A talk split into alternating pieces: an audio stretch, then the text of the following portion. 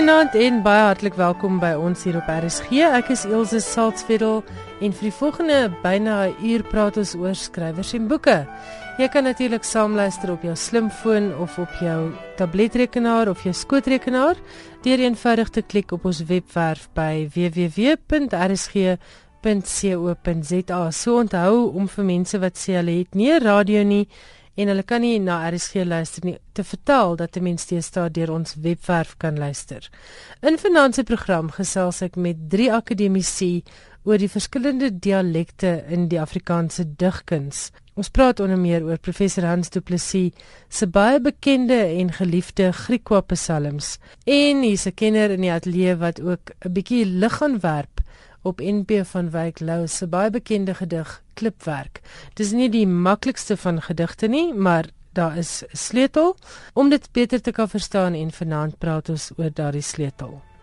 In die tweede helfte van die program is Johan Meiburg terug met 'n bietjie nuus uit die internasionale letterkundige wêreld. Geniet vanaand se program.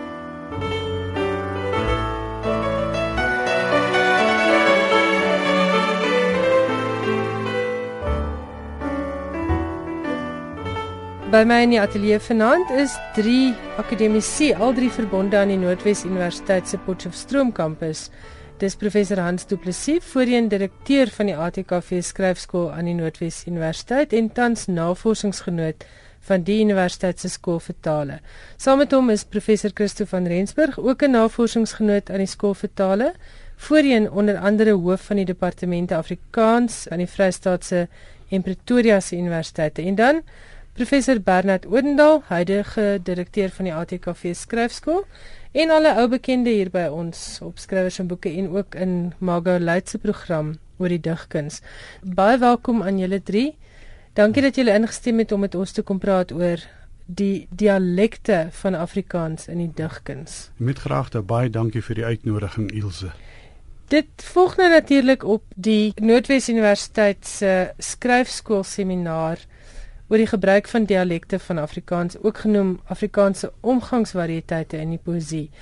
Bernard, wat maak dit 'n belangrike onderwerp in die digkuns?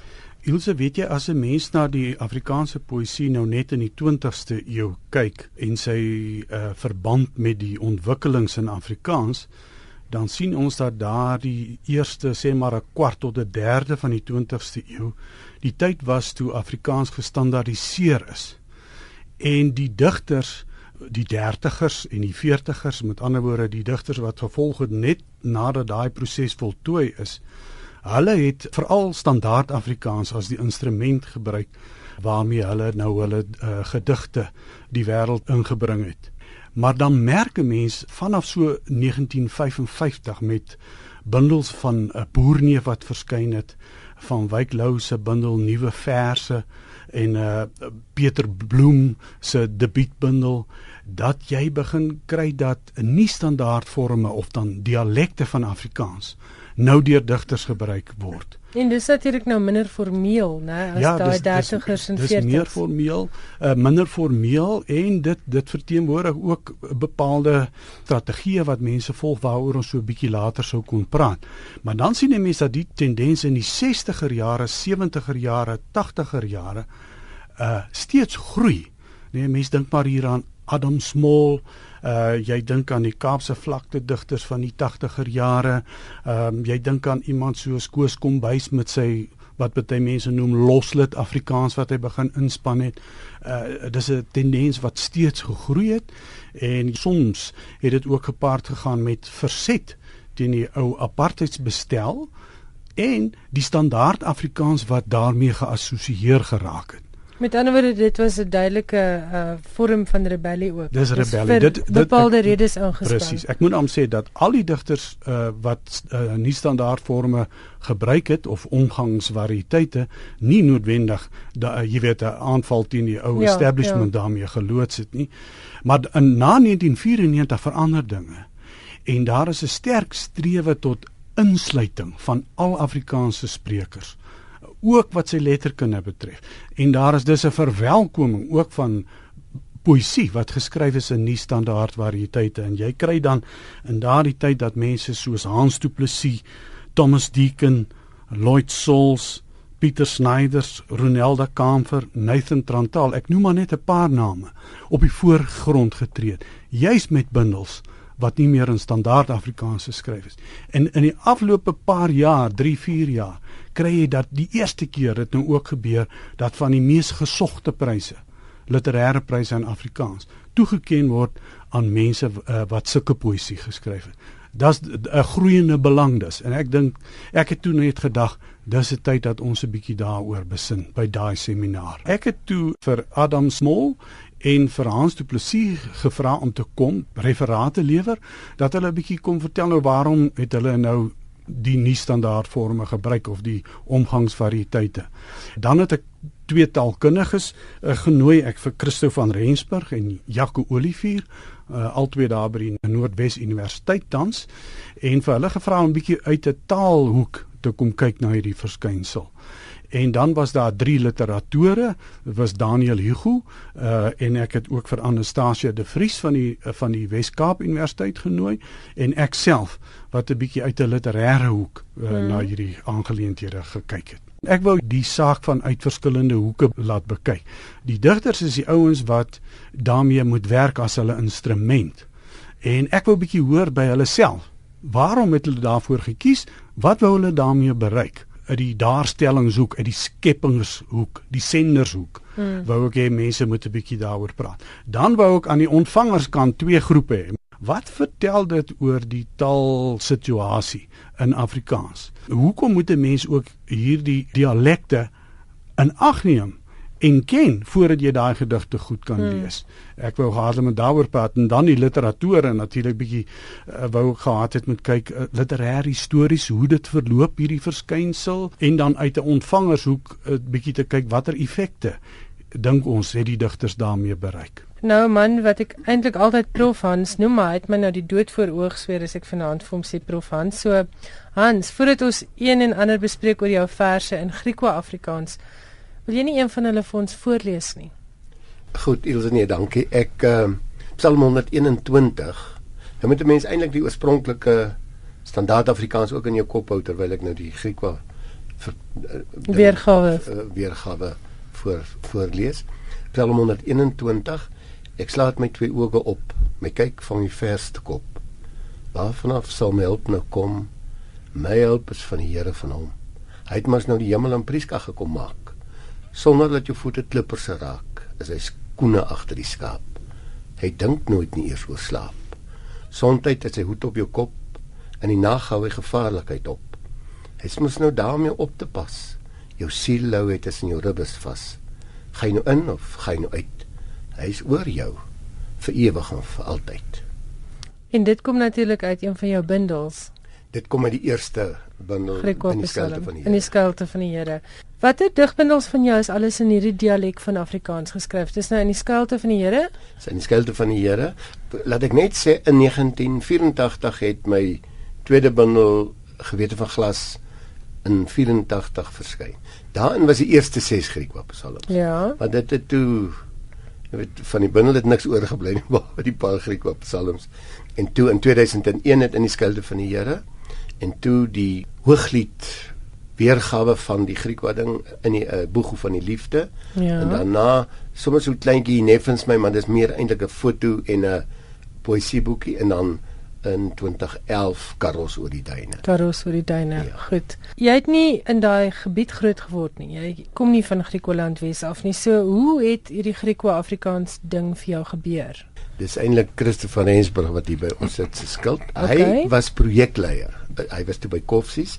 Hy was projekleier vir die hele uitgebreide navorsingsprojek oor die Afrikaans van die Griek was en uiteindelik het ons nou bygesit in die titel in die 80er jare. Hmm. En ek het daarbey betrokke geraak want ek was toe taalkundige by Pik destyds. En ons het saamgewerk en daar was nou 'n heel paar ander ons van Unisane wat almal saamgewerk het aan hierdie projek.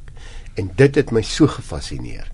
En dit het jou so deel gemaak van die gemeenskap omdat jy daai soort navorsing moet jy direkte navorsing doen is nou die geleerde woord. Jy gaan sit met 'n bandmasjien tussen die mense of met 'n stemvanger soos wat hulle dit noem. En dan gesels jy en dan neem jy op en dan word, jy weet dit raak so deel later en jy's natuurlik nou besig ook met 'n taalkundige analise hmm. van die grammatika van die dialek. Nou Ek is baie nuuskierig daaroor as jy nou soos Psalm 121 wat jy nou net vir ons voorgedra het, is dit jou woorde of het jy bloot hulle tradisionele woorde getranskribeer? Of is dit 'n kombinasie van die twee? Dit is 'n vreeslike moeilike ding. Uh, ons kan nou later 'n bietjie meer daaroor praat. Dis hulle taal, dis hulle dialek, mos nie hulle woorde nie. Wat hier So dis jou het, verwerking van Psalm 121 in Griekwa taal. Ja, wat hier gebeur het, ons het opgeneem in Douglas. Ja. Nou sien die hele ons was meer as 'n week daar. Nou sien die hele tyd besig met hierdie mense en met die manier van praat.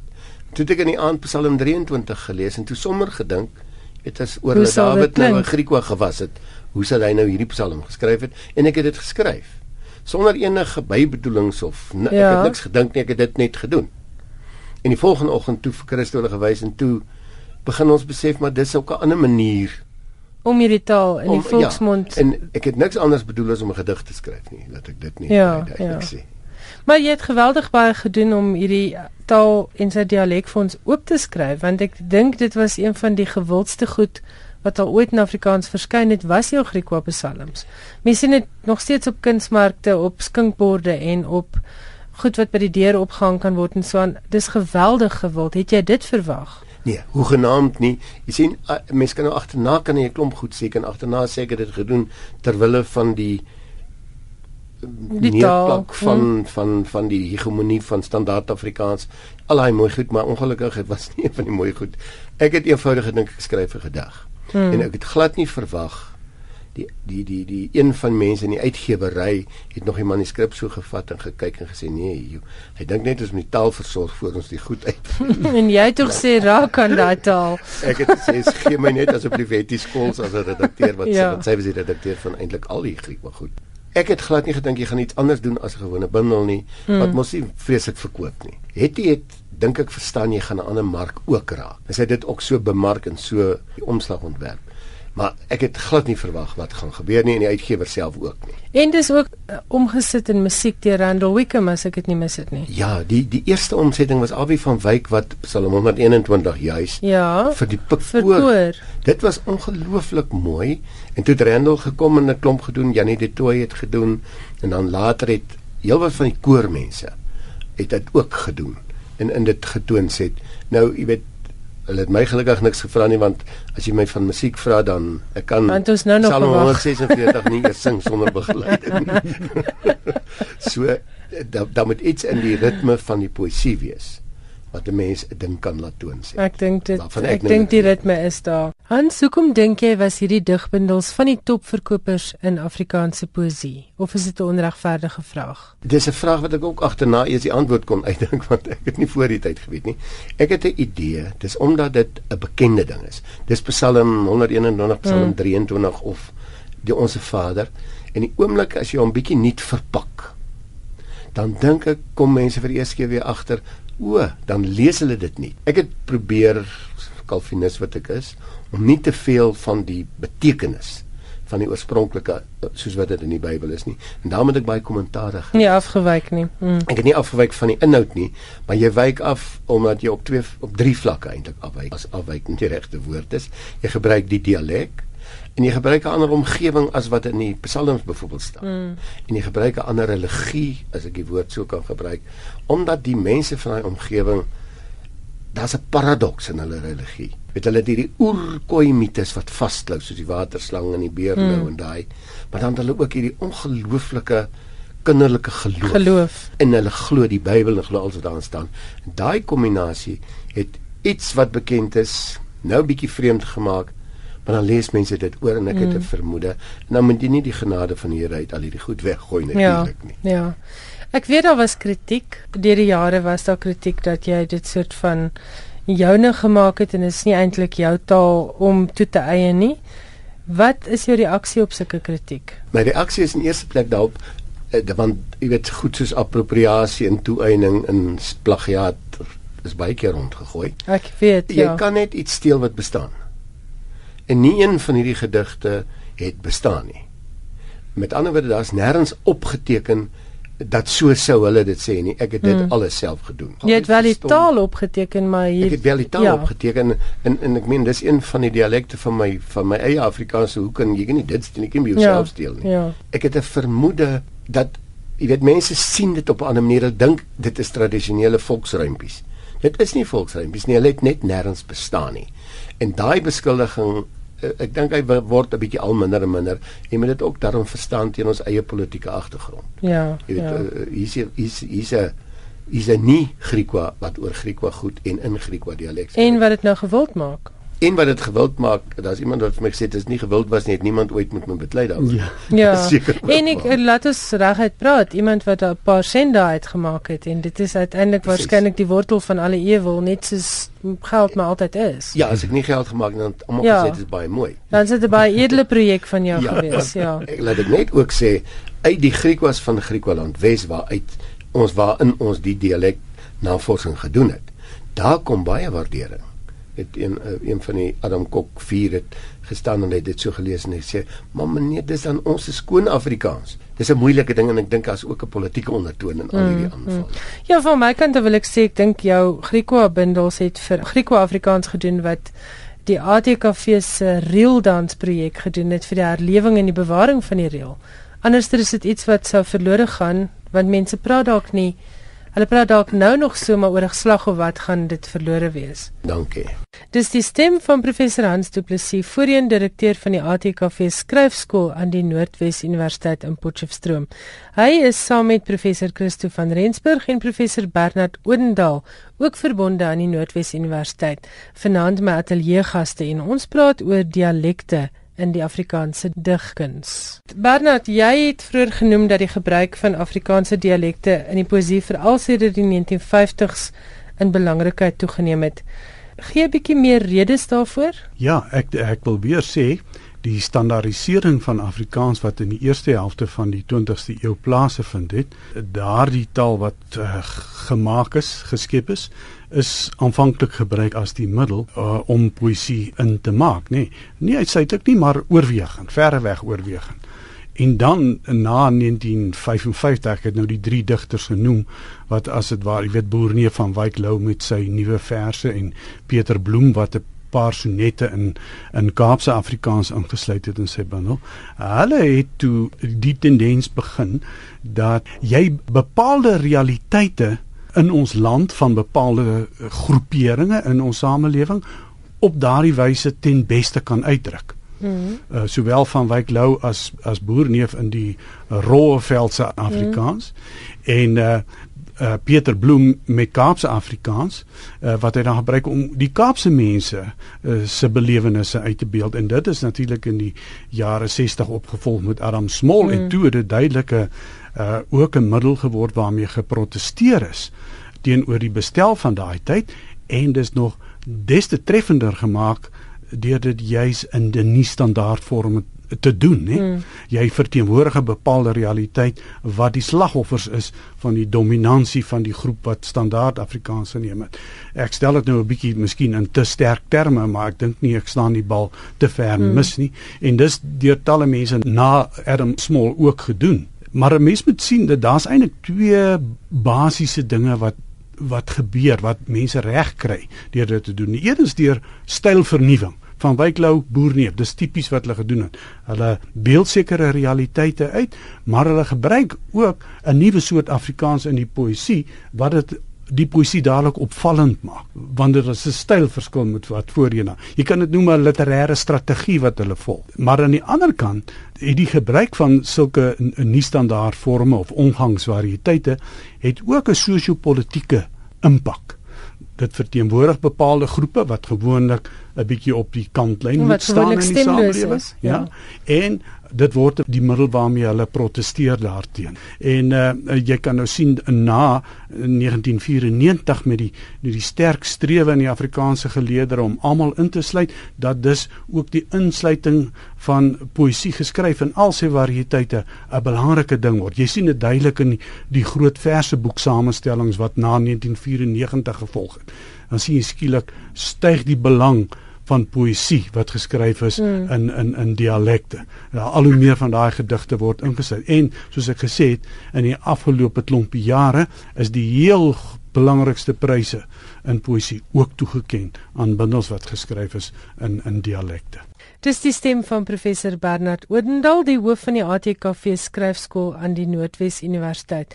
Hy is een van my 3 ateljee gaste saam met professor Hans Du Plessis, voorheen direkteur van die ATKV skryfskool en professor Christo van Rensburg, 'n navorsingsgenoot aan die NWU se skool vir tale. Ons gesels vanaand oor dialekte of omgangsvariëteite van Afrikaans in die Afrikaanse digkuns. Ek gesels vanaand met drie akademici oor die dialekte of omgangsvariëteite van Afrikaans in die digkuns. Ons het onder meer in die eerste helfte van die program gesels met professor Bernard Odendaal en professor Hans Du Plessis, skrywer van die baie gewilde Griekwa Psalms. Nou gesels ek met professor Christo van Rensburg en ons praat oor NP van Wyk Lou se klipwerk. Christo, nou praat ons 'n bietjie met jou. Jy het op die seminar NP van Wyk Lou se bekende maar dikwels misverstande gedig Klipwerk bespreek. Dit kom juis uit sy nuwe verse waarna Bernard verwys het. En dit het in die middel 50 jare verskyn. As ek reg verstaan het jy aangetoon dat 'n mens heel party aspekte van die gedig eers goed kan verstaan as jy soos van Wyk Lou kennis het van die Roggeveldse dialek. Wil jy nie 'n paar voorbeelde uit die gedig vir ons voorlees en behandel nie of Bernard jy gaan voorlees, né? Nee. Ja, Christo het my gevra dat ek uh, dat hy, jy weet die die invulling maak, jy kan sê die knoopteks uh, ja. sal hy voer en dan gaan ek net bepaalde voorbeelde wat hy my gevra het gaan ek voorlees. OK, nou wil ek net eers een vraag vra. Die Roggeveld is daar by Prins Alfred Hamlet Ceres daai deel of is ek nou heeltemal verkeerd? Nee, dis eintlik die hoogte waar ja. Sutherland lê. Dit gaan 'n bietjie weier is dit. Ja. Maar dis toevallig ook die gebied waar wilde rog groei. O, is dit waar die naam vandaan kom? Roggeveld vandaan okay, kom. Okay, goed. Voor Bernard lees Ilse. Ja. Wonder ek of ek nie net kan sê dat hierdie gedig van van Wyk Lou is maar moeilik interpreteerbaar. Want hy het 'n klompie goed weggesteek en dan is dit ook nog het hy 'n hele klomp dialekwoorde, dialekuitdrukkings gebruik.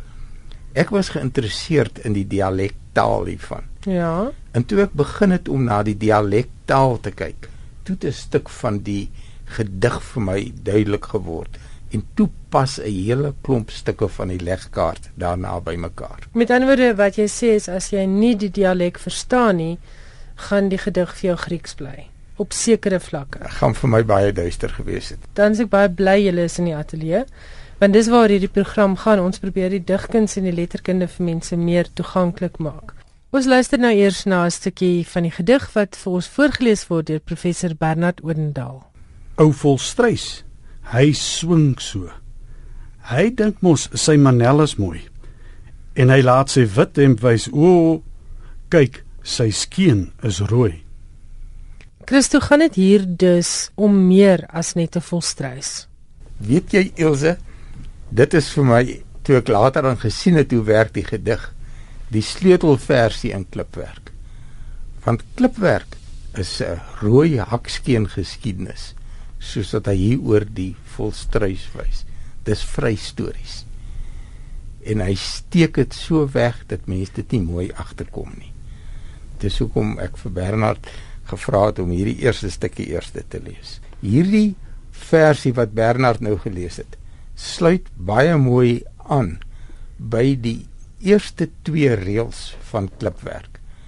Klipwerk bestaan uit 79 klein gediggies, almal sonder opskrifte, ongenommerd. Net saamgeweef. Saamgeweef en jy kan hulle deurmekaar weef ook. Die stories bly dieselfde, maar daar klipwerk is 'n baie komplekse gedig. Groewe dit 'n orakel genoem. Ja. Die betekenisse lê op mekaar, aan mekaar en die eerste twee reeltjies sê dat akkers op die sinkdak val en vye op die ringmuur breek. Wat nie baie deursigtig is nie. Begin met 'n bysin as mens na die sintaksis van die bysin kyk dan kan jy sien daar kan maar net een soort hoofsin staan. Hmm. 'n hoofsin van die soort ek weet So of ek sê ek sê dat ek weet dat ek sien dat daai soort jy mm. maak 'n stelling mm. nê dat akkers op die sinkdak val en vye op die ringmuur breek. Dan moet mens daaraan dink dat akkers en vye vroulike en manlike geslagssimbole is. Mm nou kan hierdie dat sinnetjie nog verder gaan. Ek sê dat akkers op die sinkdak val en vye op die ringmuur breek en dat dit nie werk nie. Want hulle val verniet, hulle breek verniet. Mm. So eintlik sê van Wyk Lou daarmee. Laat ek julle nou vertel hoe rooi hakskeen sake lyk wat wel werk. Mm. En in 'n ander taal, hierdie twee reeltjies staan in standaard Afrikaans. Van daar af is daar 447 reëls wat in die Roelveld se dialek staan en wat 'n ander storie vertel wat hierdie storie vertel van hoe rooi hakskeen sake werk. Goed. Bernard, Ek gaan 'n stukkie lees waarin die woord kind gaan opduik en waaroor Christo uh, meer gaan sê, 'n woord wat nogal meermale voorkom in daai gedig. Die beenbek het gesê, o, die beenbek het gesê, daar staan die wit ster. Toe moes ek die kind laat lê. Christo. dit gaan hier oor kind. In daardie dialek is kind nie 'n baba nie. Dit is 'n meisie. Toe die haan kraai, toe kom die son op en toe is dit tyd dat die man loop. Ja. Nou bly die meisie agter. Ek wil net eers as jy kind verstaan in hierdie dialekbundels se betekenis, dan sien jy dit is die meisie wat hier ter sprake is. 'n Volgende stukkie waaroor Christo ook sal kommentaar lewer en sien dat kind meer as een betekenis kan hê. Die ribbok staan op steeltjies en sy rittel van die wind. Waar is daardie bissietjie se vetbout kind? Nou kan jy sien daardie bissietjie wat 'n bees is. Nou dink mense aan Kaaps, né? Ja. Wat van bees die verhoging kry. Bies, besie, bissie. Nou hierdie vetboutkind is die kleintjie, die baba, maar dit is ook die meisie. Daar is 'n spel tussen twee dinge, baie keer meer as twee dinge in klipwerk aan die gang. En hier word nou jag gemaak op die meisie wat jy ook kan verstaan jag gemaak op die bokkie. Want daar's 'n ribbokkie ook wat genoem word. Daar's 'n Ja. bokkie, ja. Ja. En is dit nie 'n mooi vers hierdie Ja, nie? ribbok rittel, daar's Ja, ja. pragtige is- klanke daarin. By al hierdie goed, weet jy, daar is amper nie 'n einde om te wys op al die dinge soos hierdie mooi goed wat ook in klipwerk staan nie. Maar die woord meisie en ook nooitjie kom wel uh, ook in daai reeks voor. In die spel met kind, uh, die word uh, deurgaans gevoer. En ek sal bietjie laat Christo daaroor sê, Hy gaan twee stukkies wat hy gevra het. Ek moet lees gou daaruit lees. Goed. Die meisies loop so wonderlik teen Oktober maand. die ander ene, vet bobotie, wit rys, nooitjie, hoeveel kos die prys? Altyd selfde, altyd oral? Nee wat kindjie, nee wat. Ou oom hou van skaapvleis. Ilse, dis 'n verskriklike vernuftige gedig die ook. Die meisies loop so wonderlik. In Kinders, Oktober. Hm. ja, kinders in die sin van uh nooiens het nie die meervoudvorm nie. So as Mhm. hy die meervoudvorm wil gebruik, dan is meisies die ene. Hm. Maar meisies is ook kom uit die Nederlandse uh taalskat van Afrikaans. So dadelik is dit iets wat verder verwyderd is. Hm. Dit is iets wat jy meer moeite moet doen om jou rooi hakskeen prestasies mee te wys. Hm. Bietjie verder verwyderd, né? Dis hoekom hy meisies hier gebruik. Dis nie per ongeluk 'n teruggryp na die standaardtaalwoord nie. Daar's redes daarvoor. Die volgende ene wat Bernard gelees het, gaan oor onthou dis die skaapvleiswêreld. Ja. Daar gaan dit oor Bobotie en hy praat van noontjie. Hoekom nie van 'n kind nie? Hm. Omdat Bobotie van die Kaap afkom. En noontjie is die Malayse woord wat nonna en nooi is. Dit is nie om dowe neute wat hierdie goed hier staan. En dit kom nie in die Roggeveld. Nee, hy noem hier 'n paar vreemde goed van die Roggeveld. Ja. Bernard het daar gelees van Noontjie, hoeveel kos die prys? Dit gaan hier oor 'n prostitusie praktyk wat vreemd is in die Roggeveld. Ja. Hy praat van daardie ou skoon Afrikaanse wêreld. Dit hoort nie daar. Ja, en hy, hy verkies skaapvleis, hy verkies sy streekse manier van doen. Ja, skaapvleis het 'n paar ander betekenisse ook. Ja, maar dit is dit is maar alles wat in klipwerk opgesluit lê. Maar jy kan sien as jy net na 'n kind begin kyk, hoeveel ander betekenisse kom nie uit klipwerk uit nie. Dis baie interessant. Ek gaan nog 'n gedeelte lees wat hy gevra het en dan gaan hy 'n bietjie daarop 'n uh, kommentaar lewer. Dit gaan hier oor die hy en sy. Bedui dit manlike en vroulike geslag aan soos ons dit in standaard Afrikaans kry? Ek sal maar laat Christo daaroor praat, maar eers dan die greep. Hy, hy, pareloog. Sy kry was skree. Sy mik is droog. Nou, hoe verstaan mens dit Ilse? Moeilik, né? Pareloog laat my dadelik dink aan iemand met 'n katarak. Ja, oog wat nie goed werk ja, nie. Ja, ja. Maar wat jou van die spoor afgooi is hy en sy, want dit is haar kry waar skree. Haar oog is droog. Nou is die pareloog iets anders. Mm. Maar hoekom steek hy dit weg? Hoekom kry hy dit reg om dit weg te steek? Hy werk met die hy en die sy. Ja. Van daai dialek is ons nie dialekkie nie, gaan ons nie hierdie versie verstaan. Praat hulle dalk ook van hy en bedoel dan soms die vroulike vorm? Presies. Hans en ek het in ons opnames baie gevalle gekry van die soort. Hy is my oudste meisiekind. Ja, ja. maar hy sou bes Tswana sprekend en ek hoor dit baie dikwels by haar ook. Onthou net in die Afrika tale is daar nie onderskeid tussen 'n manlike en vroulike in die. Dis baie interessant. Ja. Ek kom vir jou 'n stukkie uh voorlees uit wat Tony Links in sy proefskrif geskryf het. Wat 'n respondent vir hom gesê het. Nou dit klink 'n bietjie na Malhuis Mattheusus. Maar dis baie logies uiteengesit. Maar mm -hmm. hoekom klink dit 'n bietjie deurmekaar? omdat die hy en sy hier verskillende rolle speel. Die respondent probeer beduie hoe werk hy en sy in die dialek en die respondent sê Tony het dit opgeteken. Vir my wêreldse meisies sal ek sê hy maar vir hom en hy wys toe na 'n onderwyseres wat uit 'n ander gebied uitkom. Vir hom sal ek sê sy want hy is 'n sy. As jy nie mooi kyk na hierdie hy en sy spel nie, né? dan bly dit duister. Ja, dan bly dit duister. Daar's 'n meisie wat dans byvoorbeeld. En een van hierdie klipwerkmanne met die rooi akskene bekyk haar en hy beskryf, hy sê alkant toe trap hy. Nou daardie hy is 'n sy. Mm. Dan verstaan jy dit. Bernard, jy het nog twee laaste grepe wat jy wil lees. Hy sal nog my derms uitrig. Dis mos die laai die nersderm uitsuig en die vet derm braai. Ook klippie nat spie vang die haas. Sy ore skyn aldeur.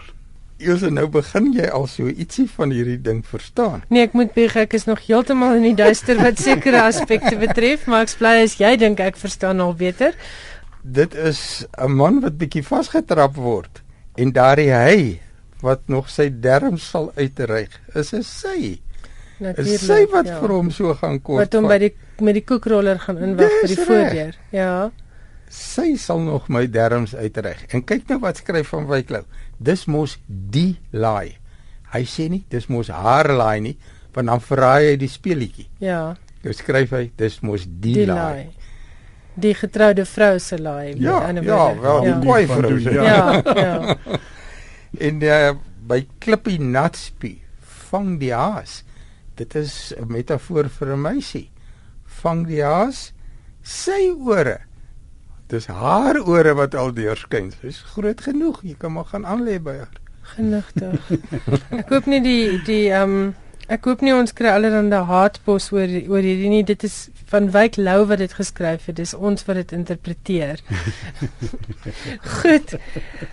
Bernard en ek en jy en Stuart van Wyk het vir die jaar oor poesie geskryf in Kaaps soos soos wat jy nou ver, verwys het na Adam Small Lloyd Souls, Pieter Snyders, Nathan Trantral en Ronaldo Kamfer en ons het dit kort op die hakke gedoen van die bekendstelling van Chokers and Survivors van Nathan Trantral. Ja. Maar Christo, nou wil ek by jou weet, is Kaaps hou dit verband die Kaaps dialek hou dit verband met Roggeveldse en Griekwa-Afrikaans?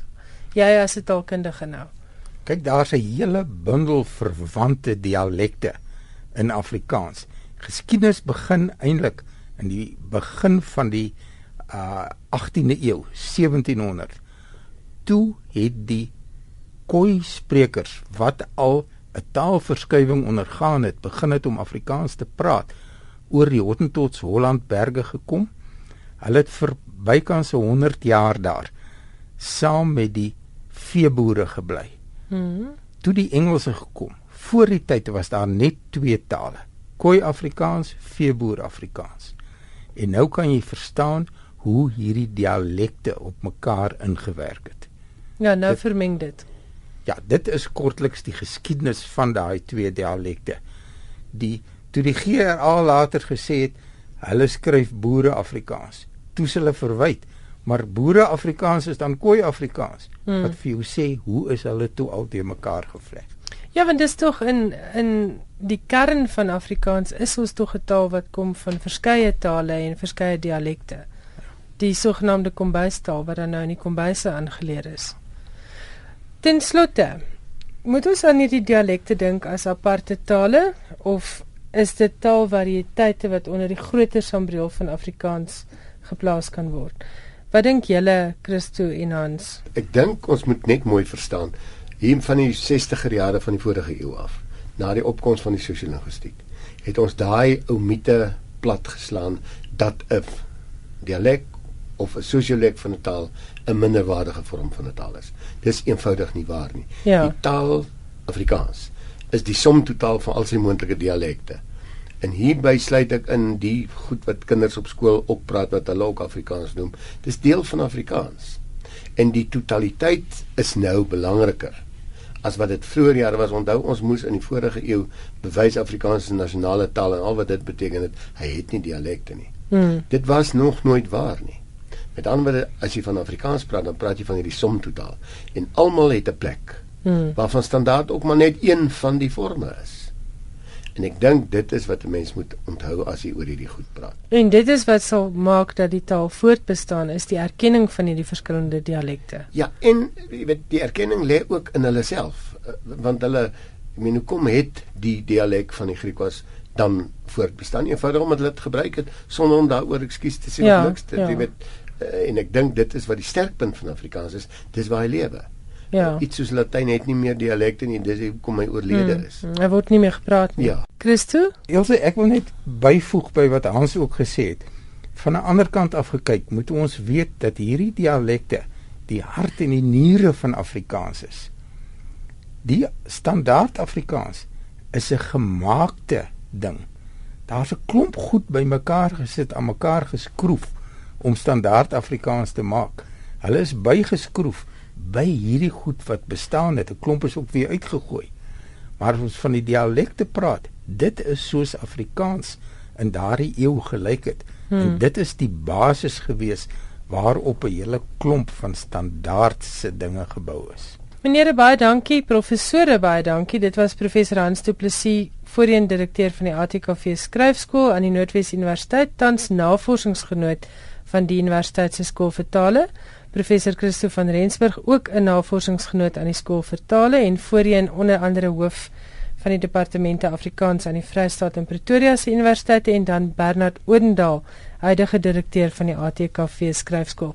Dankie dat julle spesiaal Johannesburg toe gekom het om met ons te kom gesels en dankie vir julle insette en wat julle vir Afrikaans doen. Baie dankie vir die uitnodiging. Dankie, dankie ook Ilse.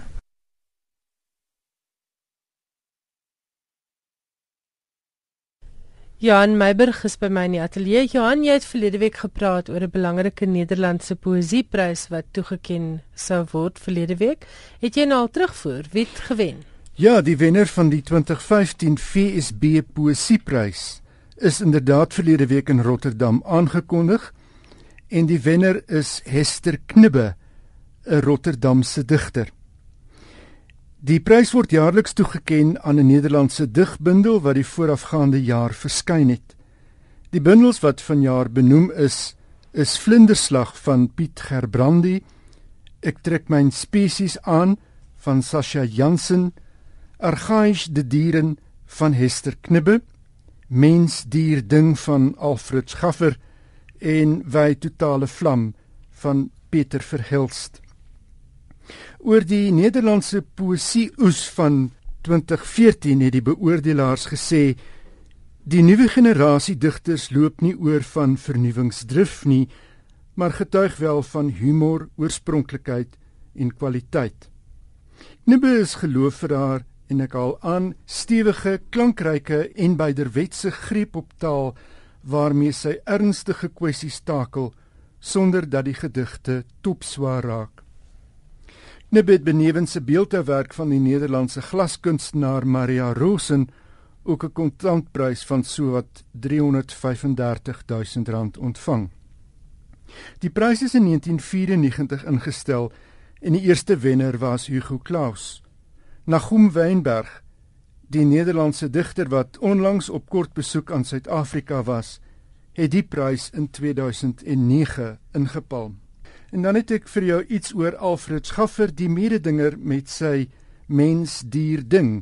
Die Nederlander Alfred Schaffer woon tans in Kaapstad en gee klas aan die Universiteit van Stellenbosch. In 2013 het 'n keur uit sy gedigte deur Daniel Hugo in Afrikaans vertaal verskyn as Kom in, dit vries daar buite. Die bundel is uitgegee deur Protea Boekhuis. Met mens dier ding het Schaffer verlede maand die Nederlandse Awater Poesieprys verower. In die bundel bring Schaffer aan die hand van 'n verskeidenheid tekssoorte onder meer 'n inleidingsvideo, 'n brief, 'n hofverslag, 'n besoek aan die huisdokter, 'n onderhoud met 'n voetsoldaat en 'n reeks droomfragmente die leser in kontak met Shaka, koning van die Zulus. Die Algemeen Nederlands Verbond het Joke van Leeuwen aangewys as digter der Nederlande. Dalk eers net iets rondom die Algemeen Nederlands Verbond. Die verbond stel hom ten doel om samewerking tussen Nederland en Vlaandere te bevorder waar ook al ter wêreld. Benewens die bevordering van kulturele integrasie van Nederland en Vlaandere, wil die verbond ook bande met Afrikaans as verwante taal bevorder. Joke van Leeuwen, sy is 63, is in die ereposisie aangewys juis omdat sy so 'n sigbare brug slaan tussen Nederland en die Vlaamssprekende België. Sy is in Den Haag gebore, het in Amsterdam groot geword en saam met haar ouers op 13 na Brussel verhuis. Sy ken albei kante van die grens, dus besonder goed. Sy het in Antwerpe en in Brussel onder meer grafiese tekenkunst studeer en is benewens digter ook skrywer en illustreerder van kinderverhale. Sy is meermale vir haar werk bekroon onder meer met die Theo Thyssen-prys vir kinderlektuur en vir haar bundel van 1994 Laatste lesers het sy die De See Bundingprys ontvang. Haar bundel van 2007 Wuif de Mussen uit is daardie jaar benoem vir die FSB Poesieprys. Nog nuus oor boekpryse. Helen McDonald skrywe van Ages for Hawk het die Britse Costa Boek van die Jaarprys verower. Die boek het McDonald geskryf as 'n soort verslag van haar verwerking van haar pa se dood. Ek het gedink dit is 'n vreemde boek en niemand sal dit ooit wil lees nie, het sy na die aankondiging van die prys gesê. Die boek het sy as 'n memoir bedoel en ek haal aan 'n liefdesbrief aan die Engelse platteland en alles wat ons verloor en verloor het. As kind wou sy met mag en mening 'n valkenier word, maar sy het nie. As 'n manier om oor haar pa se dood te kom, het sy 'n sperwer begin mak maak. Sy het alles opgelees oor valke, Mabel, die sperwer se naam, vir 800 pond gekoop en haar in afsondering daarop toegespits om Mabel te leer. McDonald het met die boek die Costa Biografieprys ingepalm as ook die Samuel Johnson Prys vir nie fiksie. En dan iets oor Eleanor Catton, die Nieu-Seelandse skrywer wat in 2013 die Man Booker Prys gekry het vir The Luminaries. Sy het uitgevaar teen en ek haal haar aan die vernydige en neerhalende aard van debat in haar vaderland. Nadat sy in die media en deur sommige politici daarvan beskuldig is dat sy Nieu-Seeland in die buiteland afkam. Op 'n Nieu-Seelandse radioprogram is sy onder meer 'n verraaier genoem. Nou lyk dit egter asof Katten die vuur met olie probeer blus. Op haar webwerf het sy onderneem om vol te hou om aandag te gee aan die verbasende tempo waarteen die magtige regses beweeg om die wat hulle kritiseer te diskrediteer en stil te maak. Dit terwyl 'n kultuur van hysterie en vrees in Nieu-Seeland heers, het sy bygevoeg. Volgens die Britse Telegraaf het die fete op die Jaipur letterkundefees in Indië ontstaan. Tydens 'n paneelbespreking waarin Katten deelgeneem het, het sy gesê dit is vir haar moeilik om op te tree as 'n soort ambassadeur vir haar land as die regering so min doen spesifiek in die intellektuele wêreld. Sy het die regering van premier John Key beskryf as 'n lot neoliberale, uiters vlak en gierige politici wat uit is op winsbejag en gunsnars omgee vir kultuur nie. Sjoe, dis 'n hele mond vol. Ek dink sy moes kritiek verwag het, né? Sy het inderdaad gesê sy uh, sy het die kritiek verwag en die premier het ook gesê die kritiek is ook nie vir hom snaaks nie. Dit klink na die tipiese kritiek wat iemand van die Groen Party teen hom sal loods. O, So hy sien nie die hy sien nie heeltemal die punt nie. Hy sien partytetiek. Inderdaad. Jy het nou baie gepraat oor Nederland. Ek het gisteraand by Ingrid Glory uit Nederland gehoor dat die tweede week vir die Afrikaanse roman is goedgekeur en dit sal later vanjaar weer plaasvind. Ons weet nog nie wat 'n kunstenaar sien, maar dit is vir my wonderlik dat hierdie vennootskappe so tussen Afrikaans en Nederlands bly bestaan. Johan baie dankie. Dit was dan Johan Meiburg. Ongelukkig het die tyd ons ingehaal. Dis die einde van Finansies skrywers en boeke, maar volgende week is ek terug en ek gesels onder meer met Isak de Vries oor wat ons alles uit die Lapa stal kan verwag in die volgende paar maande. Ons gesels ook oor wat alles by die Woordfees gebeur in Maart. Julle moet solank gaan kyk op Computicket se webwerf as jy wil plekke bespreek vir die woordfees want ek hoor die kaartjies verkoop redelik vinnig uit. Dis dan wat ons beplan vir volgende week. As jy 'n e e-pos wil stuur, die adres is skrywers en ons SMS nommer is 3343. Elke SMS kos R1.50. Vir letterkunde studente wat dalk finansie gesprek wil gebruik later hierdie jaar in hulle studies, onthou dit is soos al die ander skrywers en boeke gesprekke beskikbaar as 'n potgooi. Gaan eenvoudig na die RSG webwerf by www.rsg.co.za en dan klik jy op potgooi en jy soek deur jy kan 'n sleutelwoord byvoorbeeld intik en op daai manier deur die potgooi soek. Tot ons volgende week gesels groet ek Elsje Salzveld dan nou uit Johannesburg. Geniet die res van vanaand se programme. Lekker slaap.